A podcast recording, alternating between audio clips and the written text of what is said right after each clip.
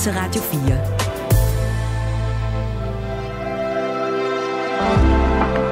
Velkommen til morgenrutinen. Din vært er Maja Hall. Den ultimative dykkeroplevelse. Eller måske endnu mere den ultimative redningsaktion under vand. Det kan du høre om i dag i morgenrutinen, når dokumentarfilmsinstruktør Lasse Spang Olsen kommer på besøg og fortæller en historie, som han ikke har kunnet slippe de sidste mange år. Og det forstår jeg godt, for den er simpelthen så vild. Og da han sidder der, der ser han så det fjerde lig. Der er sådan en hånd, der svæver i vandet foran hans hjelm. Og radioen op på skibet siger, okay, der er en til. Øh, og så rækker han hånden ud for at trække det her lige til sig, som har ligget tre dage på 34 meters dybde i et skib fyldt med vand. Og i det øjeblik, han tager fat i den her døde mands hånd, så tager hånden fat i ham. Lasse Spang Olsen, du kender ham måske også som stuntmanden, som har fået en del øh, frivillige knups. Han kommer ind her om et kvarters tid og fortæller den her historie. Men øh, først så skal vi høre noget nyt musik fra en øh, nullerkending og noget gammel musik i øh, en ny version. Først er det her Medina med et helt nyt nummer. Giv mig min plads, så du din plads, når du vil have det. Behøver ikke blive, selvom jeg bliver, vi finder ud af det. Jeg er ikke jaloux,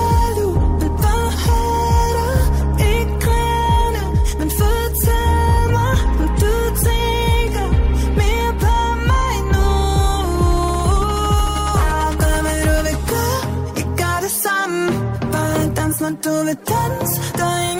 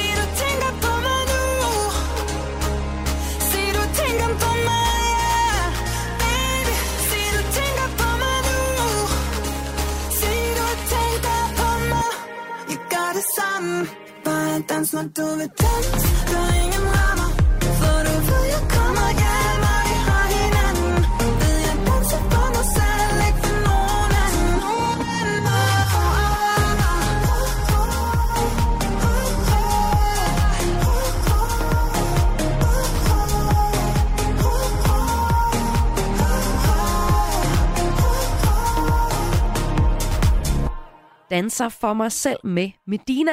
Medina, som øh, nogen kalder Danmarks popdronning. Hun spiller i Royal Arena og i Djurslands Bank Arena i øh, 2024. Og her var det et, øh, altså et nyt nummer fra hende. Det var noget ny musik fra en øh, nuller-kunstner, og så har jeg også set på vinyl-hitlisten og kigget lidt på, hvad der ligger i toppen der. Jeg synes, øh, vinyl-hitlisten er en skøn hitliste at se på, fordi den øh, viser en masse lækker musik, mega inspirerende at se på, men noget helt andet, end hvad der ellers ligger på hitlisterne derude. Og på vinylhitlisten, der finder man blandt andet Roger Waters seneste album, The Dark Side of the Moon Redux. Altså nogle genindspilninger af Pink Floyds musik, som han jo ligesom også var hovedkræfterne i. Og her er det så Roger Waters version af Breathe. You are the angel of death,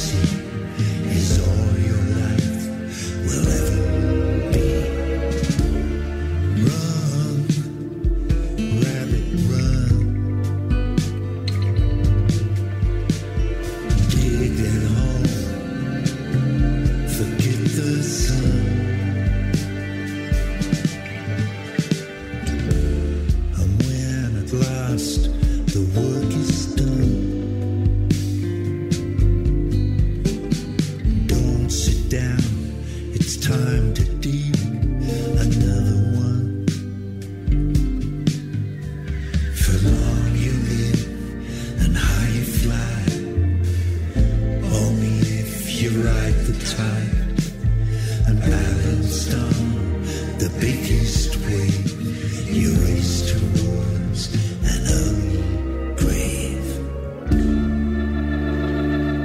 Du har fået til job at synge kor for ABBA. Jamen, jeg var ikke simpelthen ikke klar over, hvor sindssygt det egentlig var. Det var jeg jo ikke. Jeg var jo bare ni år og glad i låget. Musik er en hurtig genvej ind bag facaden. Jeg følte jo, at alle de sange var til mig. Ind bag den offentlige person. Jeg kiggede ind i et mørke. Det er jo der, jeg skal hen. Det er jo der, alt trøst er. I Portrætalbum bruger Anders Bøtter musikken til at vise nye sider af sine gæster. Carmen Køllers uh, Axel Byvang, har han en playliste? Jeg ved ikke, om jeg tør sige det. Det er så pinligt. Blandt andet Backstreet Boys.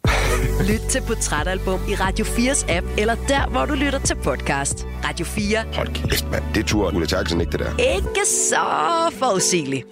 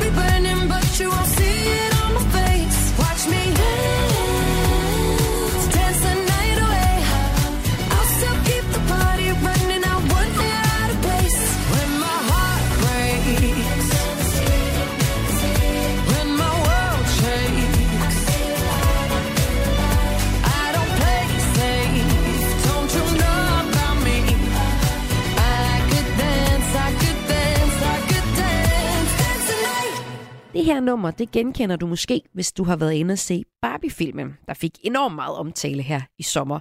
Og nummeret her, det kommer fra Dua Lipa og hedder Dance the Night Away. Husk, du kan altid sende mig en sms på 1424 med spørgsmål eller kommentar til programmet. Jeg fisker også gerne jeres øh, morgenrutiner ind. Hvad kan du godt lide at gøre om morgenen, eller hvad hader du at gøre om morgenen? Send mig en sms på 1424. Er der nogen derude, der starter dagen med andet end en kop sort kaffe? For det er som regel det, I melder ind på sms'en. Hvis du er en undtagelse, så send mig en sms på 1424. Du lytter jo altså til det her program Morgenrutinen, og det er et kulturprogram her på Radio 4. Jeg hedder Maja Hall og er din vært alle hverdage, hvor jeg spiller noget musik, jeg fortæller dig noget om dagen i dag, der relaterer sig til kultur, og så har jeg også en kulturpersona inde. En, der på en eller anden måde har forholdt sig til noget aktuel kultur, eller som oftest en, der faktisk har lavet noget aktuel kultur. Og dagens gæst, det er Lasse Spang Olsen. Han er aktuel med en bog, som øh, handler om den dokumentarfilm med den vildeste historie nogensinde. Og den kommer han ind og fortæller om lige om lidt. Men det er også sådan, at alle de gæster, jeg inviterer ind her i morgenrutinen, dem beder jeg om at give et personligt interview. Så vi får også nogle ret personlige anekdoter og oplevelser, der øh, knytter sig til den her historie. Og det bliver ret rørende. Dokumentarfilminstruktør Lasse Spang Olsen er altså min gæst her i morgenrutinen frem til klokken 6, hvor du får dagens første nyhedsoverblik lige efter et nummer fra Pil. Du kender hende måske fra øh, hende, der har lavet Dronningen i månen, og Når du går herfra, eller Nattely hedder det nummer også. Men her er det et øh, nyt nummer fra Pil, og det hedder Andre Venner.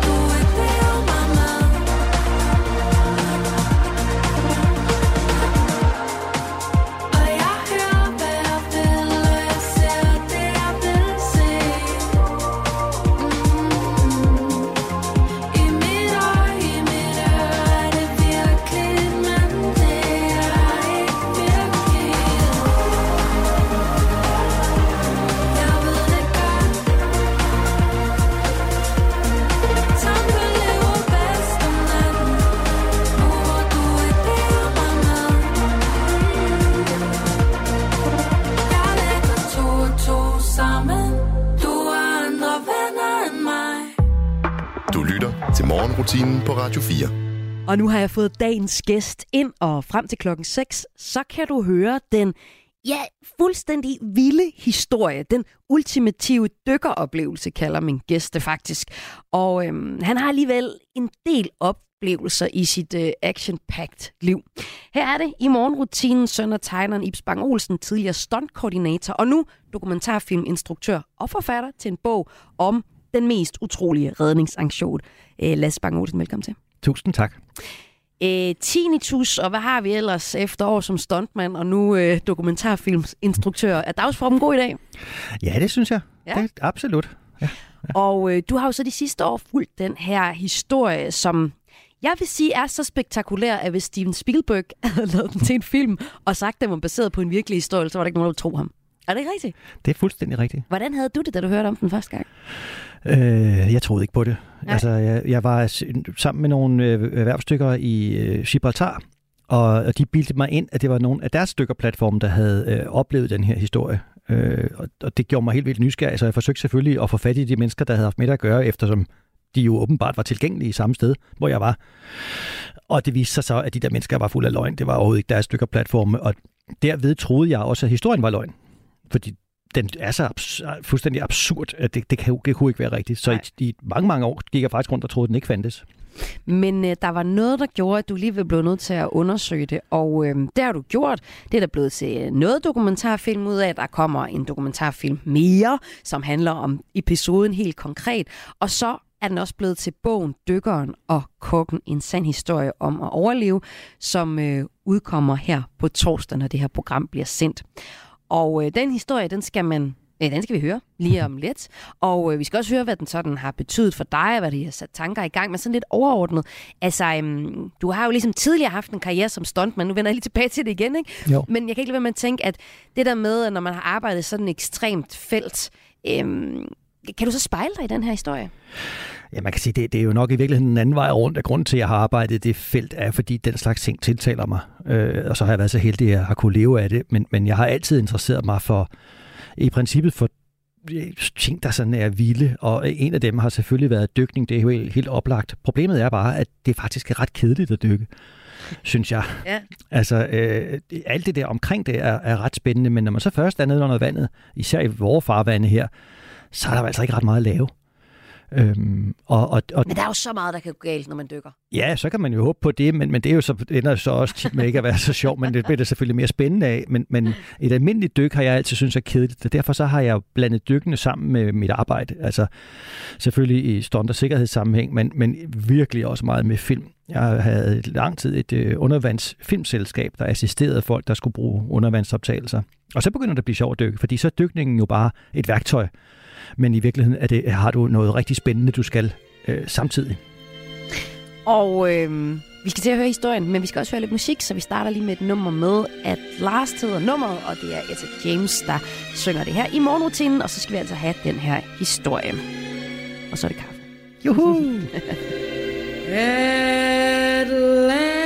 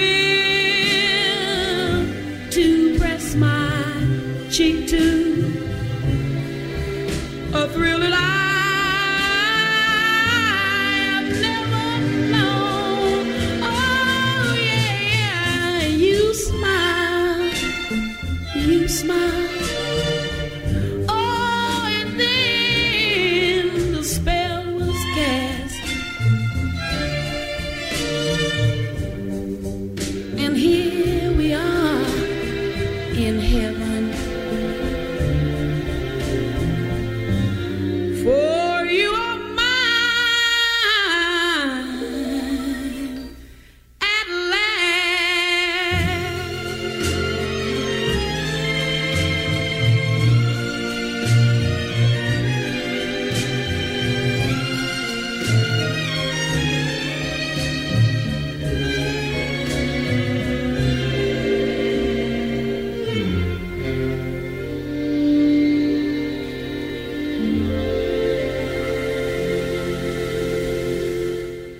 Tre dage sidder skibets kok i en luftlomme på et sunket skib og venter på at dø, eller håber på at overleve.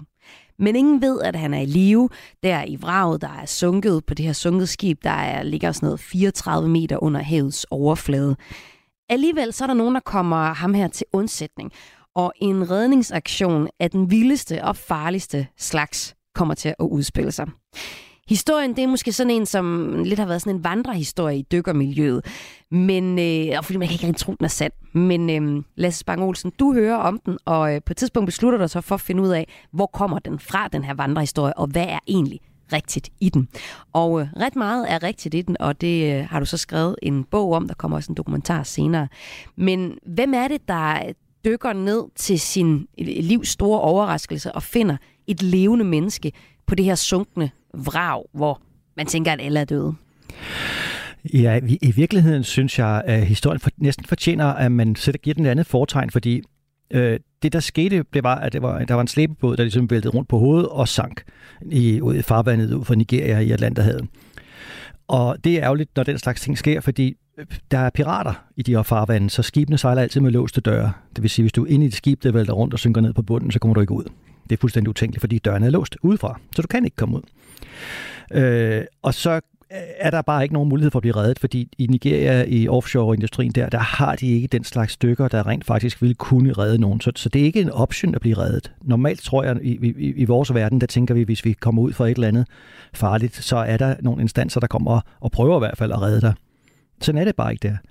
Så den stakkels mand der, som er den eneste overlevende inde i skibet, en lille bitte, bitte luftlomme, han ved, altså han er 100% sikker på, at der kommer ikke nogen og redder ham.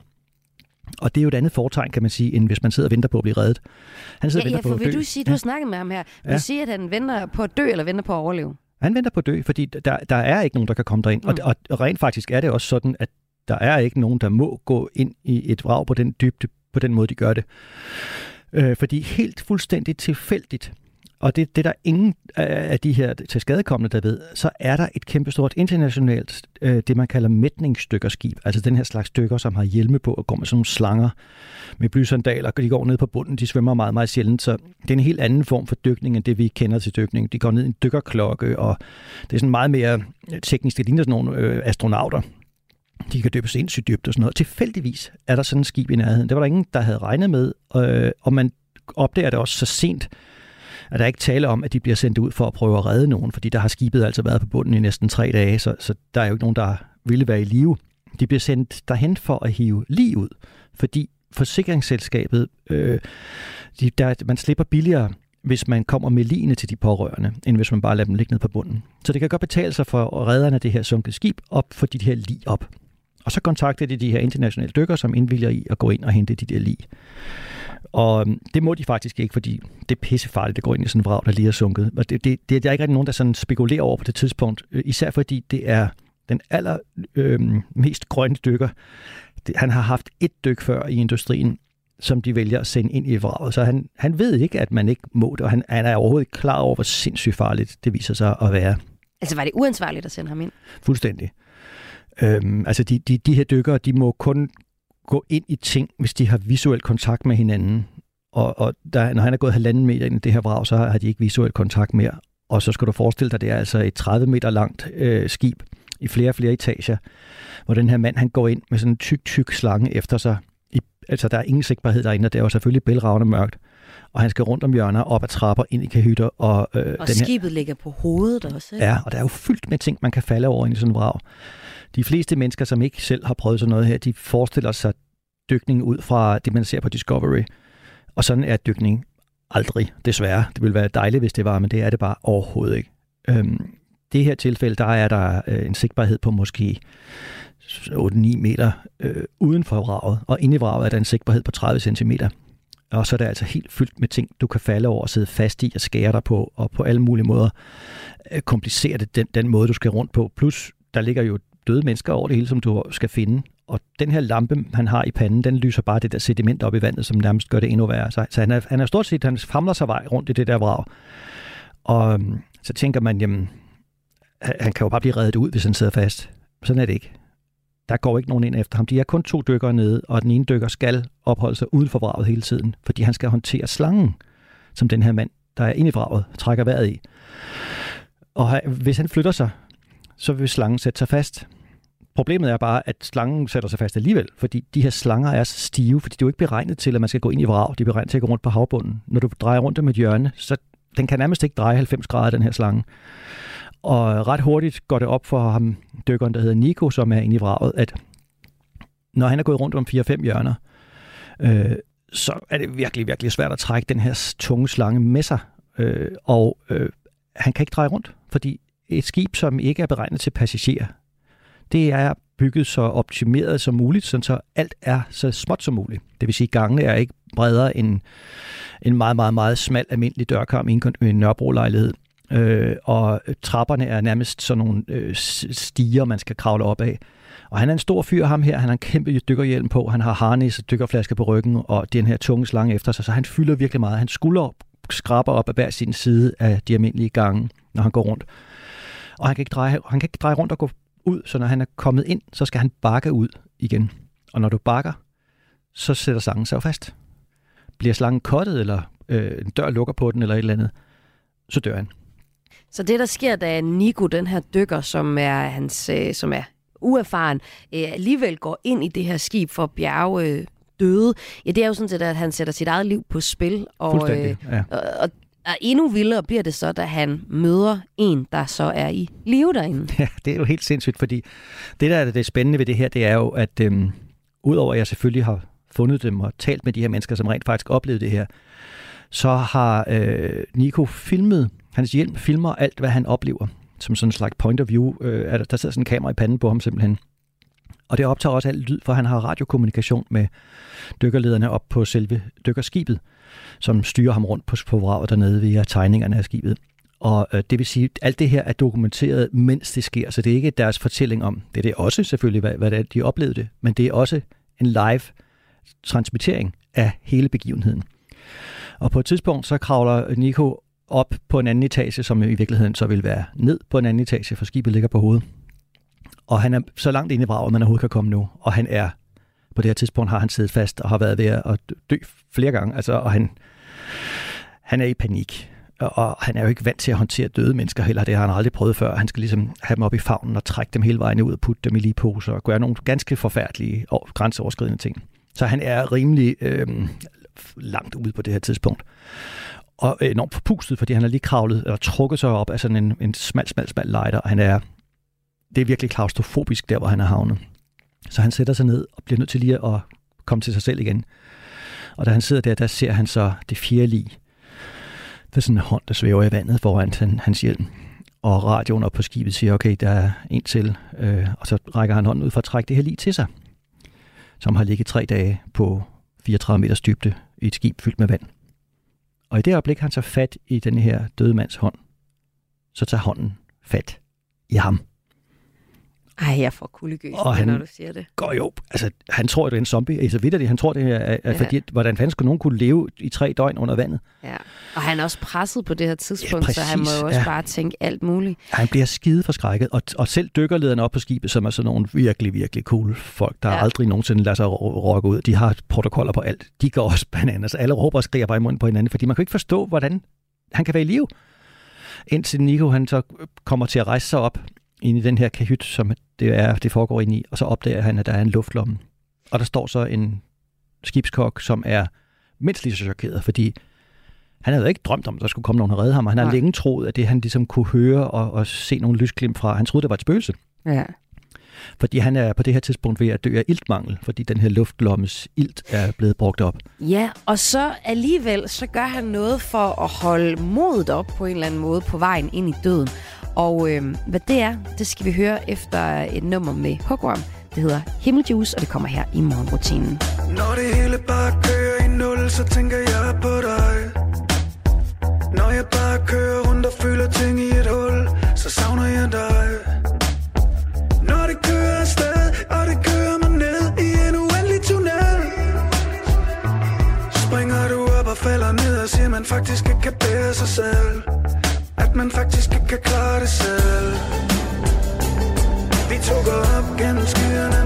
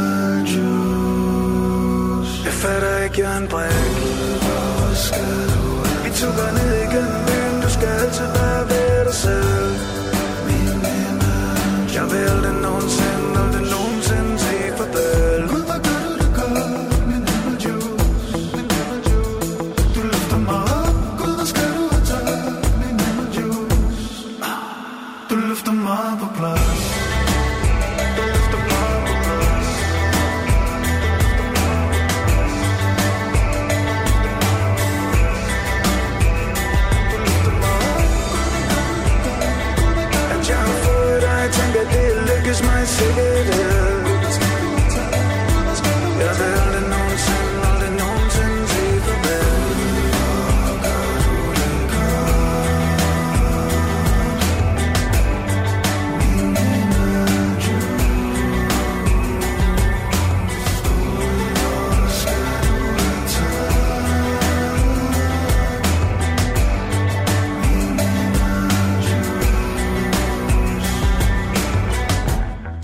Lasse Spang Olsen, baseret på en kommende dokumentarfilm, der har du øh, i på torsdag kommer bogen øh, Dykkeren og Kokken, en sand historie om at overleve. Og nu vil vi høre en lille teaser for den, historien i sådan kort format, og, og ham man øh, i den grad får lyst til at høre mere om, og som du også har besøgt og mødt, det er kokken, ham her skibskokken, som er så heldig at, at overleve i en luftlomme tre dage, inden en redningsaktion, som han aldrig havde nogensinde kunne forestille sig, ville ske, faktisk går i gang. Øhm, altså, der er jo ingen, der ved, at der er nogen overlevende, da de går ned for at bjerge de døde på det her, øh, på det her skib. Øhm, du fortæller også ret overraskende, at det handler simpelthen om, øh, om forsikringsselskaber, man skal have bjerget nogen af de døde. Ja, Ja. det er ikke en sær- særlig sympatisk verden, Nej. den der. Men det må man sige, menneskerne bag det her øh, er. Øhm, og øh, ham her, der sidder i den her lomme, øh, han holder sig på en eller anden måde lidt oppe. Altså han er, holder modet oppe på en måde. Ja, altså, jeg, det, jeg, jeg spurgte ham om, hvad, hvad, hvad, han sidder og venter på at dø.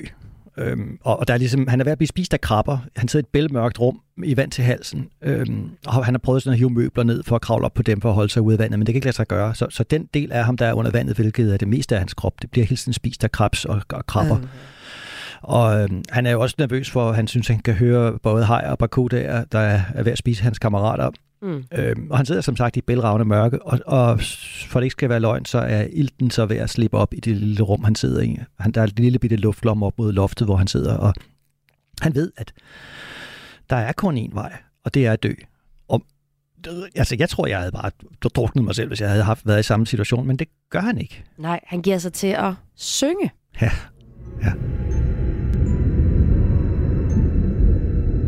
Grace, grace, grace. I see grace. Grace, grace, grace. All I see is grace. Grace, grace, grace. I see grace. Grace, grace, grace. All I see is grace. Just found myself in that situation. For the days I've been there because I know with my strength alone, I can't be there. With my strength alone, I can make it alive. Ja, det her det klip, det er fra din optagelse til den dokumentarfilm, der også kommer om øh, den her spektakulære redningsaktion. Og øh, man kan også læse, hvordan øh, ham her skibskokken begynder at synge under optagelserne til øh, din film i bogen Dykkeren og Kokken, der udkommer her på torsdag. Hvorfor er det, han giver sig til at synge? Altså, han, øh, han talte en del med Gud dernede, øh, hvilket jeg tror egentlig er meget normalt, om man er troende eller ej. Øh, og, og de aftalte ligesom, at øh, hvis han skulle dø, så var det også okay, og så, så bare lad det komme. Og så øh, sang han de her sange, fordi han de synes ligesom, når han sang, så kom han ud af den der panik, øh, som jo nok vil være endnu mere ubehageligt, end, end bare at sidde stille og roligt og gå ind i døden. Øh, og så spurgte jeg ham, hvad, hvad, hvad, hvad sang du? Og så begynder han pludselig at synge øh, i det her lille studie, vi sidder i nede i Lagers, og så begynder han at græde. Fordi altså, vi var bare fuldstændig... Det, var så, det er noget af det mest rørende, jeg har oplevet i mit liv, og det kan være svært, når man hører det sådan her, men det var simpelthen så... Han er så sympatisk en person, og jeg fik helt dårlig samvittighed, fordi ved at spørge ham, om, om han ville synge, så, så oh, det flyttede ham jo direkte tilbage i den der fucking luftlomme, hvor han havde tilbragt på det her tidspunkt 62 timer. Og han vidste, da han, det er det, han siger bagefter, at øh, han vidste, at han ville ikke kunne komme ud selv, så han, da han sang den sang der, Grace, Grace, Grace, der var det, fordi han skulle dø. Og, øh, og på den måde så ligesom på en eller anden måde acceptere, det var jo også en, en del af det at synge, Ja. øh, som han altså gør. Og du siger, du var, øh, du var overrasket over, at det var det, han gjorde, og den, det han egentlig også havde lyst til at dele med dig. Og øh, du fortalte mig, at du egentlig havde, sådan, du havde nogle fordomme om de, om de folk, du ville møde i den her historie, og de her mennesker. Fordi øh, det er jo måske bare sådan nogle nogle erhvervsstykker, og så en, en nigeriansk skibskok. Altså, hvor meget kunne der være, og hvor meget kunne du spejle dig i dem? Men øh, det overraskede dig, at der egentlig var øh, ret meget at øh, tale med dem om. Og det var måske også, fordi du øh, endte med at være øh, fanget, kan man sige, sammen med den her skibskok i øh, Lagers, øh, i, altså på et røg, højrisikos tidspunkt øh, på et hotelværelse øh, 24-7. Og det skal vi tale mere om øh, efter endnu et nummer. And you got me like, girl, you want from me? What you want from me? And try to buy your pretty heart with a price too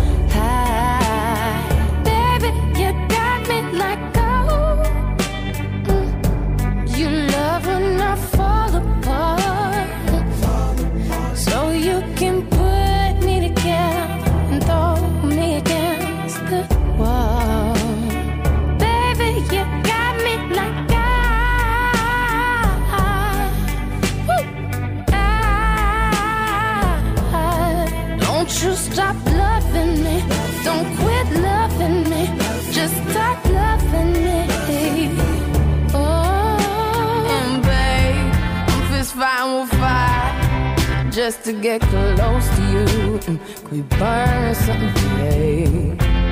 And I'll run for miles just to get a taste.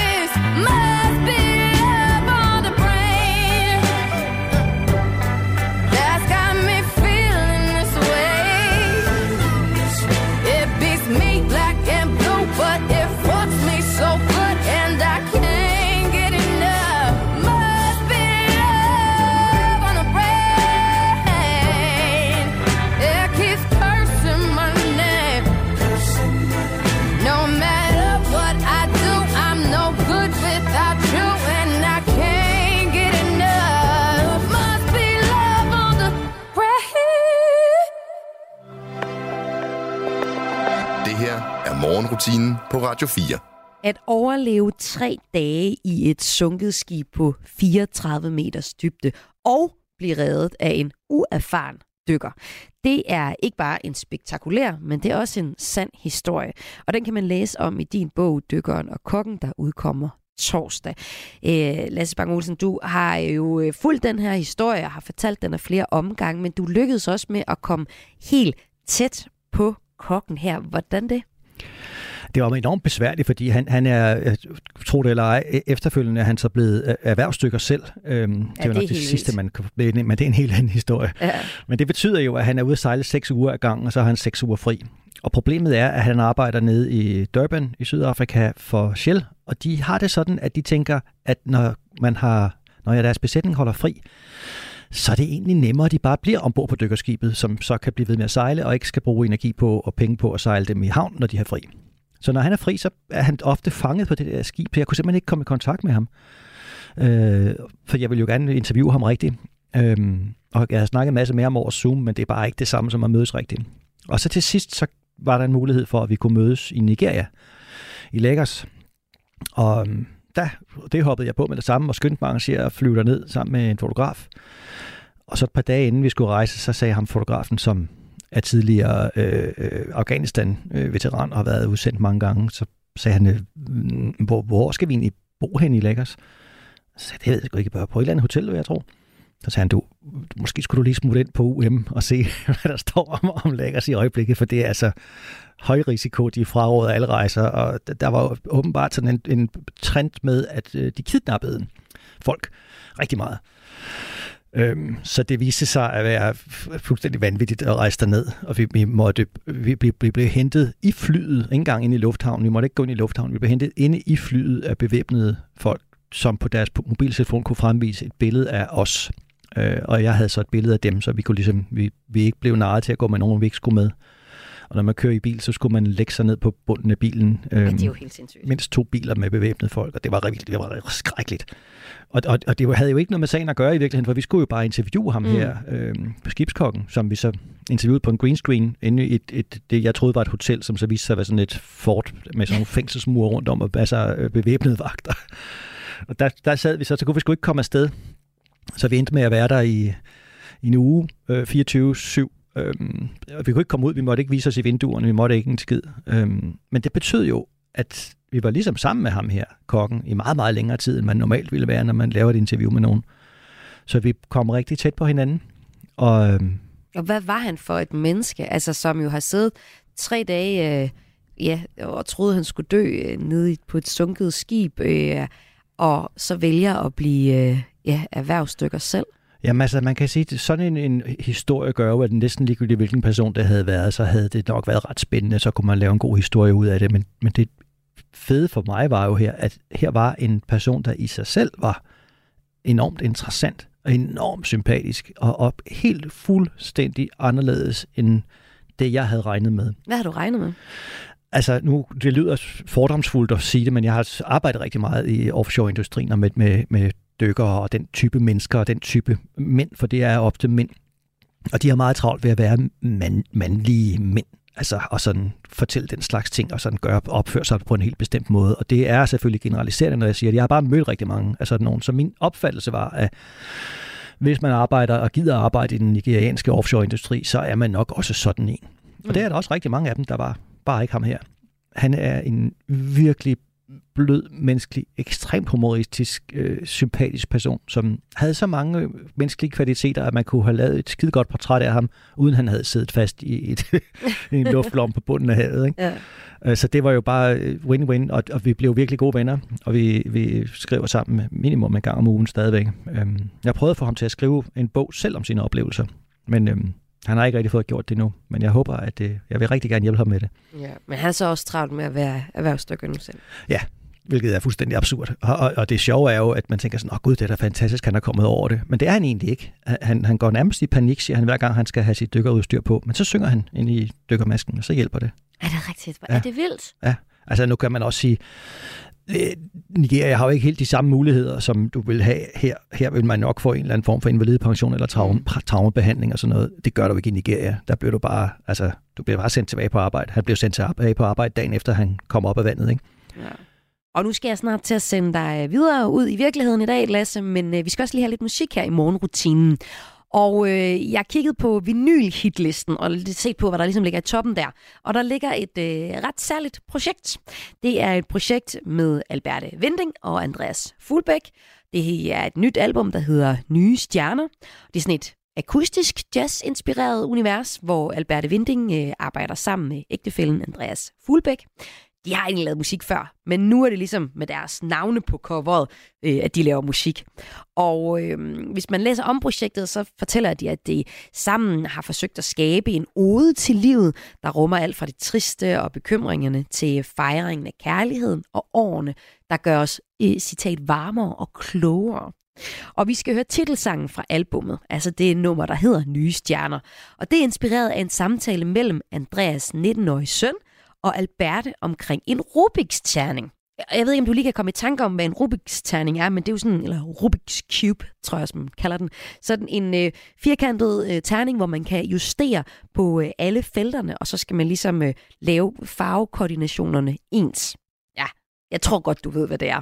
Men øh, den her samtale, som Alberte og Andreas 19-årige søn havde, den øh, gik på, hvordan verdensmesteren i det her, verdensmesteren i at lave en Rubiks terning og løse den her terning, kun er 8 år gammel.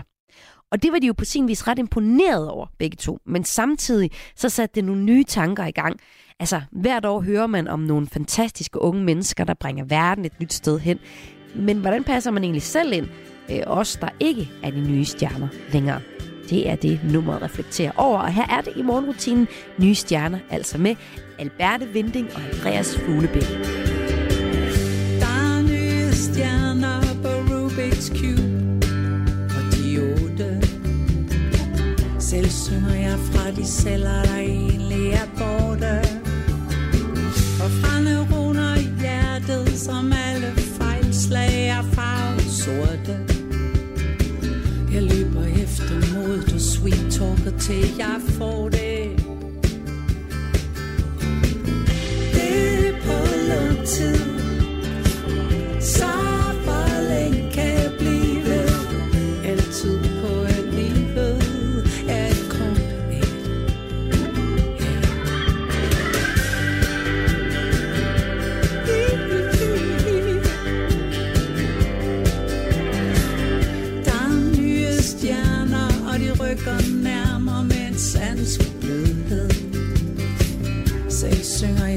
Mørket, før det lukker sig om hjertet. Men det er lyset fra ham, der ser mig, der giver mig sødhed. Han holder mig, til jeg er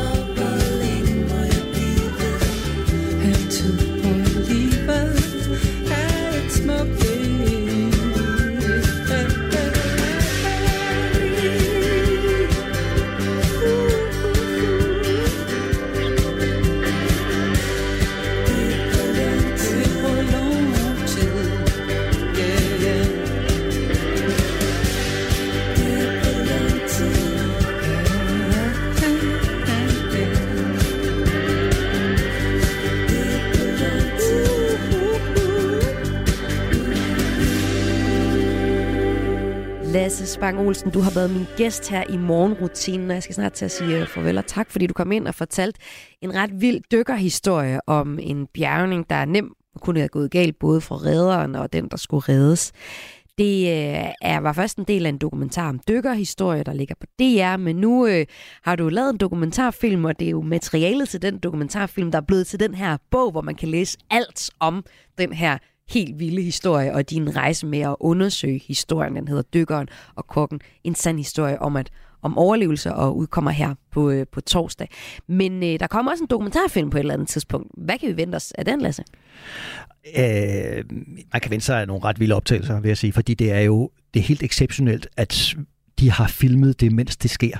Altså det, alt, hvad der Ja, foregår. så under hele vandet. redningsaktionen, ja. så har der været øh, kamera på, øh, på Ja, hjelmene. så det er autentiske ja. billeder af, af det hele, og det, det ser man aldrig. Så selv den der The Rescue om børnene i Thailand, eller øhm, hvad der ellers findes af den slags, der har man jo rekonstrueret det bagefter. Men, men, men fordi man ikke har selvfølgelig har kunne filme det, mens det skete. Men det er rent faktisk sket her. De har, det er filmet, imens det sker. Så selv når Nico opdager hånden i vandet, og hånden, der griber fat i ham, det er ikke bare billederne af det, det er også lyden Ej, det er af det ulækreste. Det er det Ja. ja. ulækreste billede, jeg nogensinde har set. Og det er jo så det klip, man også kan finde i den tidligere dokumentar, Ja. ja. som du har øh, lavet til DR. Men jeg gætter på, det er også at det er noget materiale, man gerne vil bruge igen. Ja, ja, ja, men altså, det er exceptionelt. Og, og så har det jo været ude på nettet i alle mulige forskellige afskygninger gennem ja. Ja. tiden, og folk har dannet sig deres egne historier. De er alle sammen forkerte.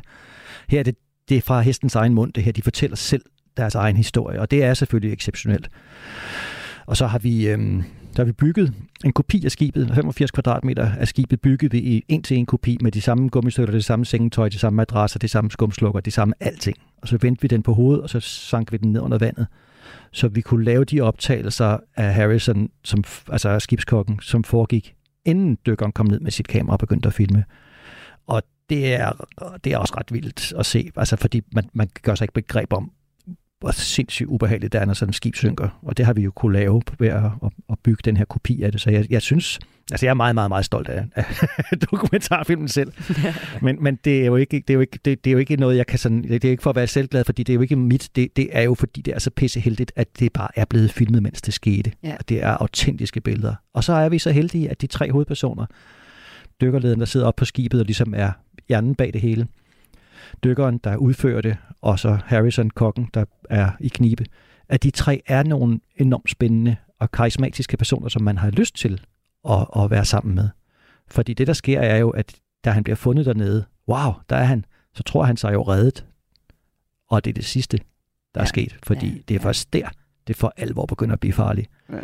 Og der må man læse bogen eller se filmen for at finde ud af, hvad der så sker. Ja, altså bogen kommer på torsdag, men øh, filmen, ved du noget om, hvornår den øh, kommer? Ja, den er i Cannes her nu, øh, her midt i oktober, øh, på sådan en, en kæmpe stor salgsfestival, der er. Så jeg, det er først, når de kommer hjem derfra, jeg ved, hvem der har taget den, men øh, vi krydser der fingre for, at den ryger ud i hele verden. Det er en feature-dokumentar, det vil sige, det er sådan en halvanden times biografformat, den har, og så findes den også i en, en times version til tv, så jeg håber, at vi får sprøjtet den lidt rundt i verden. Men indtil da, så har vi bogen Dykkeren og Kokken, som altså udkommer på torsdag. Lasse Bang Olsen. Tusind tak, fordi du kom ind og fortalte om den. Selv tak. Og tak til dig, der har lyttet med. Jeg hedder Maja Hall og har haft fornøjelsen af at være din vært. Det er jeg alle hverdag her på Radio 4.